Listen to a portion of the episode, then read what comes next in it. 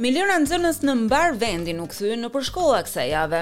Por me rritjen e kostos së jetesës, prindërit po përballen me rritje të çmimeve të produkteve thelbësore për arsimimin e fëmijëve të tyre.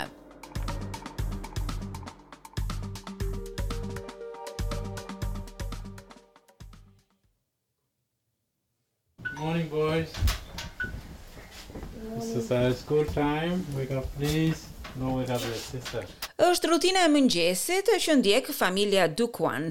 Këtë vit motra e vogël, Adual, do të fillojë shkollën për herë të parë. Tre vëllezërit e saj më të mëdhenj janë gati për të përmirësuar njohuritë e tyre. Adual do të fillojë kopshtin.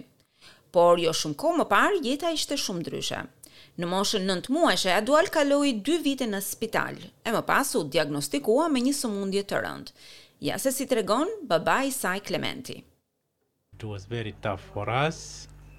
Today I didn't believe it yet that today Adual will Ishte shumë e vështirë për ne. Akoma nuk arrij ta besoj që Adual do të bëhej më mirë, do të bëhej më e fortë pas asaj që kaloi. Është me fat. Po të ishte në Afrikë, nuk mendoj se do të ishte në gjendje të fillonte shkollën sot. Tani është në Australi me një sistem shumë të mirë, brenda një komuniteti shumë të mirë. I njëjti komunitet në Sacred Heart Primary në perëndim të Sidnit e ndihmoi Klementin të emigronte në Australi nga Sudani i Jugut në vitin 2003. When we start a school we have to go under the tree because there's no facilities like here. Në kohën time kur shkoja në shkollë, m'u desh të mësoja nën një pemë sepse nuk kishim shkolla me ndërtesa si këtu. Prandaj i them fëmijëve të mos e humbasin këtë mundësi. Është momenti më i duhur. Kur fillova, haja vetëm mëngjes, as drekë e as darkë. Ndërkohë këtu jeni me fat, keni tre vakte bukë.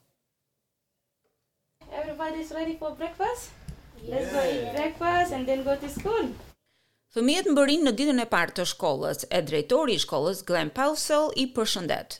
It's great to welcome over 300 children back here to Sacred Heart Primary School in Mount Druitt South. They're really excited and we're very excited. Është kënaqësi të presim 300 fëmijë në shkollën fillore në Mount Druitt. Jemi me të vërtetë të emocionuar t'i shohim përsëri në bankat tona për një vit tjetër shkollor.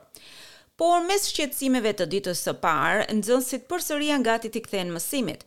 Por me rritjen e çmimeve të shkollës, të cilat janë pjesë e krizës së vazhdueshme të kostos së jetesës, Por për disa familje jeta nuk është e lehtë. Ja se si shprehet një prind. Things we don't need, we don't get, things that are essential obviously, we go and get, so it's more of a need, not a want. Ato që nuk na duhen, nuk i marrim. Marrim gjërat thelbësore, gjërat për të cilat kemi nevojë. Fokusohemi tek ajo për të cilën kemi nevojë dhe jo dëshirë për momentin. Nëse nuk jemi në gjendje ta bëjmë, nuk e bëjmë. Kjo është jeta. Për shumë prindër, kostoja e arsimimit të fëmijëve të tyre është e lartë. Ja se si shprehet Sarah Megginson. We're expecting parents to spend in total two point six billion dollars on school supplies, which is such a staggering amount of money. Sipas parashikimeve tona, prindërit do të shpenzojnë këtë vit një total prej dy pikë gjashtë miliardë dollarësh vetëm për sendet e shkollës, një gjë shumë e madhe.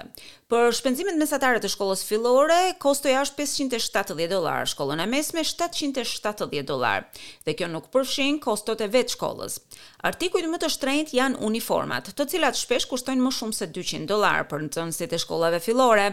Tekstet shkollore kushtojnë rreth dyqind e gjashtëdhjetë e tetë dollarë për nxënësit e shkollave të mesme. Dhe vetëm këpucët janë mesatarisht njëqind dollarë për çdo fëmijë. Këtyre të dhënave i shtohen edhe kosto të tjera si transporti, kampet shkollore e të tjerë e të tjerë. So our kids play sport as well, so we found that the, there's, they, on top of uniforms and things like that, so we had to get them a separate uniform. Fëmijët tanë luajnë sport, kështu që ne përveç uniformave të zakonshme, na u desh që t'i blinim dhe uniformat e sportit. Çdo gjë është e shtrenjtë tani. E ndërsa rikthimi në shkollë rezulton stresues për disa fëmijë, familja Dekuan e sheh atë si një fillim të ri.